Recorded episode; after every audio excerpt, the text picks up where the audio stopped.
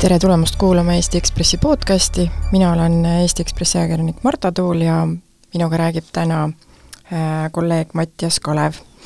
teemaks on siis krüptoäri ja selle telgitagused. ole hea, räägi, sa käisid eelmisel nädalal ühel huvitaval kohtuistungil. milline see kohtuistung oli? Äh, kõigepealt tere ka minu poolt. Äh,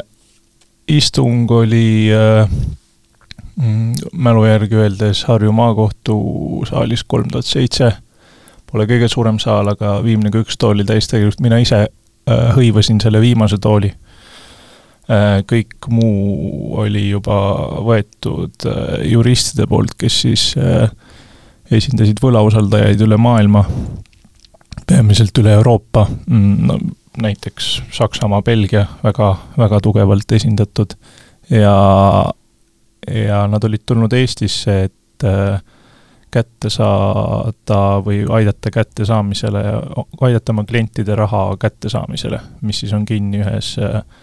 äh, Tallinna krüptoäris. sa võrdlesid seda kohtuistungit äh, hoiu-laenuühistu erialiistungiga äh,, miks? Eks neid sarnasusi on mitmeid. Äh, no üks ongi see, et on suur hulk inimesi, kes on teinud investeeringuid ja loodnud, lootnud, et äh, nende raha vähemalt äh, säilitab väärtuse,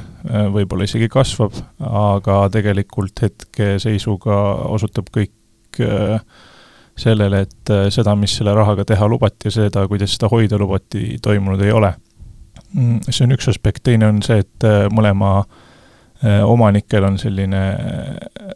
vene taust äh, ja võib-olla natuke sarnased asjaajamismustrid, aga tegelikult see eri oli, võrdlus tuligi seal kohapeal kohtusaalis, saalis välja ja, ja ka hiljem siin ühe siis võlausaldaja esindajaga suheldes on see, oleme seda paralleeli päris korduvalt omavahel tõmmanud aga räägimegi siis, äh, millest see kohtuistung on, et võib-olla alustad sellest, et kes on Aleksander äh, Valjušin ja mm. mis ta siin Eestis tegi? Äh, ta tuligi Eestisse krüptoäri ajama, et sada protsenti ei oska öelda, kust ta Venemaalt pärit on, aga no aga selge on see, et tal on infotehnoloogia-alane taust ja krüptohuvi küllaltki Bitcoini algusaegadest juba. Eestisse ta jõudis siis äh, kaks tuhat seitseteist. Mm, selge eesmärgiga luua siis ärimudel, mis äh, tänasel päeval on veidi levinum, aga toona oli põhimõtteliselt ikkagi täiesti uus ja tegemata, ta tahtis hakata andma siis äh, krüptotagatisel päris keskpankadega seda nii-öelda fiat valuuta laene. Ähm, ja selleks ta tuligi Eestisse, sellepärast et siinsed äh, maksukeskkonnad, eriti ma saan aru, et asjaolu, et äh, ma tegelikult isegi ei tea, mis ta eriti sümpatiseeris, mul oli tunne, et et äkki ma, äkki, mul on mingeid pakkumised, aga ma neid ei taha avalikult teha, aga ühesõnaga ta jõudis, jõudis Eestisse sellepärast, et äh, no see talle sobis ja tõenäoliselt oli ka Venemaal siis nüüd sellised ettevõtteid registreerida aitavad teised ettevõtted, kes siis tegutsevad Eestis, panevad sind sajakesi samasse korterisse ja aitavad sul siin mõnusasti kõik elamisload ja asjad äh, hankida, et lihtsalt koht sobis. ühesõnaga, võib öelda isegi nii, et äh, Eestil oli äh, selliseks natuke kahtlaseks äri ajamiseks sobiv nii maksukeskkond kui ka abiteenuste pakett olemas jaa, no kindlasti, et ma arvan, seda ei eita keegi, et kuni võib-olla küllaltki hiljutine aeg, ei tea, äkki isegi praegu ikkagi krüpto mõistes äh, Euroopas on ju asi olnud väga konservatiivne mitmel pool. mitte kõikjal, aga eriti just seal Kesk-Euroopa pool, Eestist siia, kust siis iganes, äh, kas kolmandatest riikidest või meie mõistes lähiriikidest, aga just Venemaa, Valgevene, ma ei tea, et kuskilt sealt siia tulla ja hakata krüptoga tegelema, see, see kindlasti, Eesti on tore koht selle jaoks.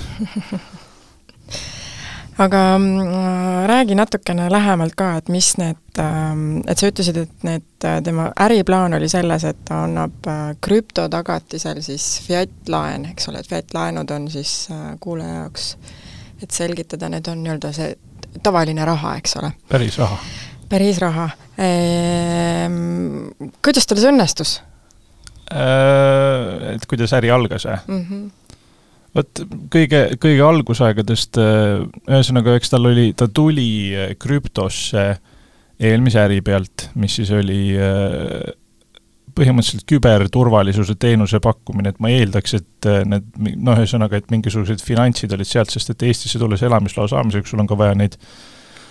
minimaalseid investeeringuid, vist äkki on kuuskümmend kuus tuhat või kuuskümmend viis tuhat või mis iganes summa see on ja et ühesõnaga, et äh, raha tal tegelikult oli, et see ei olnud tema e-, esimene rodeo sellises IT-maailmas. Ja, ja siis ta tuli, jah, selle pealt hakkas ka ajama, et äh, käi-, käima see läks tegelikult nagu kohe, tänasel päeval nüüd nagu juurde tekkinud, äh, analoogseid asju põhimõtteliselt üle maailma, aga, aga toona, kui üritada vaadata nende, kes siis tänapäeval annavad krüptotagatisel laenu nende tekkimisaastaid, siis kaks tuhat seitseteist aastal see oli ikkagi väga uus asi. Ja see võimaldas seal ka väga, väga kiiresti äh, kasvada. et mis ta ise on öelnud kuskil intervjuus siis Valution, et mm, et tal endal lihtsalt äh, tegigi selle, tal tekkis praktiline vajadus selle järgi, äh, sellise ärimudeli, et ta vaatas, et see on tühi koht turul ja teeme ära. aga mm, kui nüüd tema ettevõtete majandusaasta aruandeid vaadata või neid äh, nii-öelda käibe- ja kasuminumbreid, siis äh, millised need olid? üllatasid need sind? Jaa, jaa, ma vaatasin neid ja nende, seal tekib selline kognitiivne dissonants, et see, ma hakkasin neid vaatama pärast seda, kui ma olin kohtus ära käinud ja kuulnud väga-väga-väga suuri äh, paljude nullidega numbreid ja siis hakkasin vaatama, et äh, mida siis äh, kajastatud sai ametlikult ja mille eest makse makstud. ja seal, kui ma ei eksi, siis äkki esimene aasta oli äh, oli kasum sada kakskümmend neli eurot, ähm, käivet nad nagu otseselt selliselt no, ei näidanud, aga nad näitasid äh, siis sellist äh, noh, ettevõtte omandis oleva raha hulka, mille hulka ei kuulunud siis ainult äh, noh, siis need fiat valuutad, vaid ka krüptovaluutad ja, ja kõik igasugused hoiused. Ja see ikkagi vist tipphetkel jõudis kuuekümne tuhande euroni, kuigi lõpus seal oli ka kasum ikkagi äh, viimased äkki, mis on siis esitatud majandusaasta aruanne kaks tuhat kakskümmend üks, peast ütlen äkki kuuesaja tuhandeni küündis, et noh, ta ei olnud siis enam täiesti nurgatagune äri, aga ta kindlasti ei olnud isegi võib-olla keskmise suurusega maksimaalselt mitte midagi enamat, et äh, see, see, mis numbrid seal kohtus räägiti ja mis äh, tänaseks on välja tulnud, need on täiesti muu suurusklass. millisest, millistest numbritest me räägime, need mm,. too välja need suured nullidega numbrid. jutt on äh, kakssada kuus miljonit, äh, on siis see, mida võlausaldajad ei ole sealt hetkel kätte saanud, et see asi hakkaski eelmise aasta suvest kerima, et eelmise aasta suveni oli tegelikult Coinloan üks väga eeskujulik ettevõte, vähemasti klientide suhtes ja ka kogu selles äh, noh, ütleme, et kui sa loed foorumeid ja vaatad inimesi, kellel on olnud vaja, nad, nad laiendasid oma teenuste paketti, et nad üks hetk ei tegelenud enam ainult selle laenude vahendamisega, vaid nad noh, hakkasid ka tegelema, no põhimõtteliselt pakuti investeerimisfondi teenust ja ja siis üks hetk tegid isegi oma token'i ja ja no ühesõnaga, et äri kasvas, aga, aga kõik oli nagu kuvandi poolest oli tegelikult äh, Äh, oli super kuni eelmise suveni, kui hakkasid siis nagu paljudel krüptoäridel on hakanud äh, mured, ei, ei, ei saanud enam teha väljamakseid ja siis no täiesti ära ei, ei lõpetatud, aga pandi peale limiit, mis siis jäi sinna äh, viis tuhat dollarit ööpäeva peale. ja siis nendest väljamaksetest edasi ka tulid suuremad probleemid, et väljamakseid ei tulnud, ei tulnud, ei tulnud ja siis äh, möödunud nädalal siis selguski, et äh, kakssada kuus miljonit eurot on äh, kinni, mida siis kliendid, kes on tänaseks päevaks muutunud võlausaldajateks, et lihtsalt, lihtsalt kätte ei saa. sa ütlesid, et see äh, kohtusaal oli advokaate, juriste täis, kui palju neid võlausaldajaid on? Ka üle kaheteist tuhande ja kust nad pärit on, on nad eestlased või äh,? Absoluutselt, äh, et mul ei ole niimoodi rahvusvahelist niimoodi, et ma kõik riigid oskaks ette lugeda, aga nii, nii palju riike olen juba kuulnud, et äh, no ikka täiesti hm., täiesti üle maailma ja kontingent on ka selline, et äh, alates inimestest, kes on pannud sinna oma, ma ei tea, viimased viis tuhat või neli tuhat eurot äh, sääste, ükskõik kas siis krüptodena või või ka sularahas või siis äh, äh, kõige suurem on kaheksateist miljonit, üks Belgia arst, kes mälu järgi äh, pani enamuse krüptos ja siis lõpuks pani, saatis veel kuhugi Šveitsi pangakontole miljon eurot eurot järgi ka ja nüüd on kõik kadunud. kuhu see, kuhu see raha kadunud on? ja vot seda ei oska mina küll, see on, et selles suhtes, mis nende klientide klientide ja juristide lootus on, ongi see, et äh, äkki ühel päeval, kui pankrot on käes, mm, algab, saab, saab teha mingisugused kuriteoteated ja siis kas Eestis või kus iganes hakatakse äh, nende põhjal noh, menetlema seda, et kuhu see raha kaduda võis, et miski on, peab olema ikkagi jälje jätnud, et selles suhtes ega Coinloan ei ütle ka tänasel päeval, et neil kontodel täiesti tühjus on. et äh, nemad väidavad, et neil on varasid äh, circa äkki sada kolmkümmend miljonit, aga selle hulka nad arvestavad äh, kuuskümmend viis või kuuskümmend kuus miljonit enda token'i väärtus, väärtuse, mis siis noh, mm. on koheselt pankrotti mineva ettevõtte token'i väärtus, millele on keeruline sellist väärtust, kui üldse, üldse väärtust leida. aga, aga noh, ütleme nii, et üle kuuekümne miljoni nad väidavad, et neil tegelikult äh, on kuskil, noh, Binance on seal üks koht ja mingites kohtades veel neil on äh, krüptot ja, ja vist ka sularaha äh,, ehk noh, midagi kolmandiku antud hetkel ideeliselt teoorias võiks sealt äkki kätte saada, aga no küsimus, kus see teised kaks kolmandikku et see vajabki äh,, vajabki jälgede, jälgede järgi minemist ja seda, et teeks keegi professionaal kuskil professionaalses uurimisasutuses. Tead sa ka, et äh, nad ju ühel hetkel jäid äh, nii Finantsinspektsioonile hambusse kui ka Raabile, rahapesu andmebüroole jäid hambusse, et äh, tead sa, mis oli see nii-öelda viimane tõuge, mis Eesti uurimisasutusi pead vangutama pani e? e ega nad ei ole hetkel väga, et sellest, siin on see äh, äh, pankrotini on jõutud läbi üksikisiku hagi nende pankroti kuulutamiseks, see on üks sakslane, kellel on seal neli milli kinni ja siis ta palkas Eestis advokaadid. et ega Eesti sellised, kui me vaatame seda nagu noh, ühesõnaga, kuna majandustegevus neil lõppes ära, siis ega nad tegelikult ei ole vähemasti minu arusaama järgi hetkel ei Raabil ega Finantsinspektsioonil isegi tohutult hambus, et äh, see asi on teist kaudu läinud, et ma ei, ma ei saa öelda, et nad ei ole kuskil silmapiiril või et nad ei ole sealt hambust nagu korraks läbi käidud ja siis välja sülitatud, aga nad ei ole nagu hetkel kõige mingisugune, nad ei ole nagu kirbul, et -hmm. võib-olla nad varsti sinna jõuavad ja eriti, kui see pankrot nüüd välja kuulutatakse aga mm, räägi mulle sellest ähm, härra Valjushinist, et ähm, kas tema ka istub kohtusaalis? Ei, ma ei, ei, ei istu ja ega, ega ei tea ka, kus ta on ja tal ei ole ka hetkeseisuga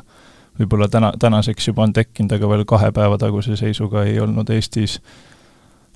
advokaate, sest et äh, tema esindajad loobusid ta esindamisest, mis on, ma, ma ei oska öelda, miks, ei ole tegelikult nii lihtne protsess, et et advokaat saab oma kliendi esindamisest loobuda, aga noh, mingeid põhjendusi seal kindlasti annab leida.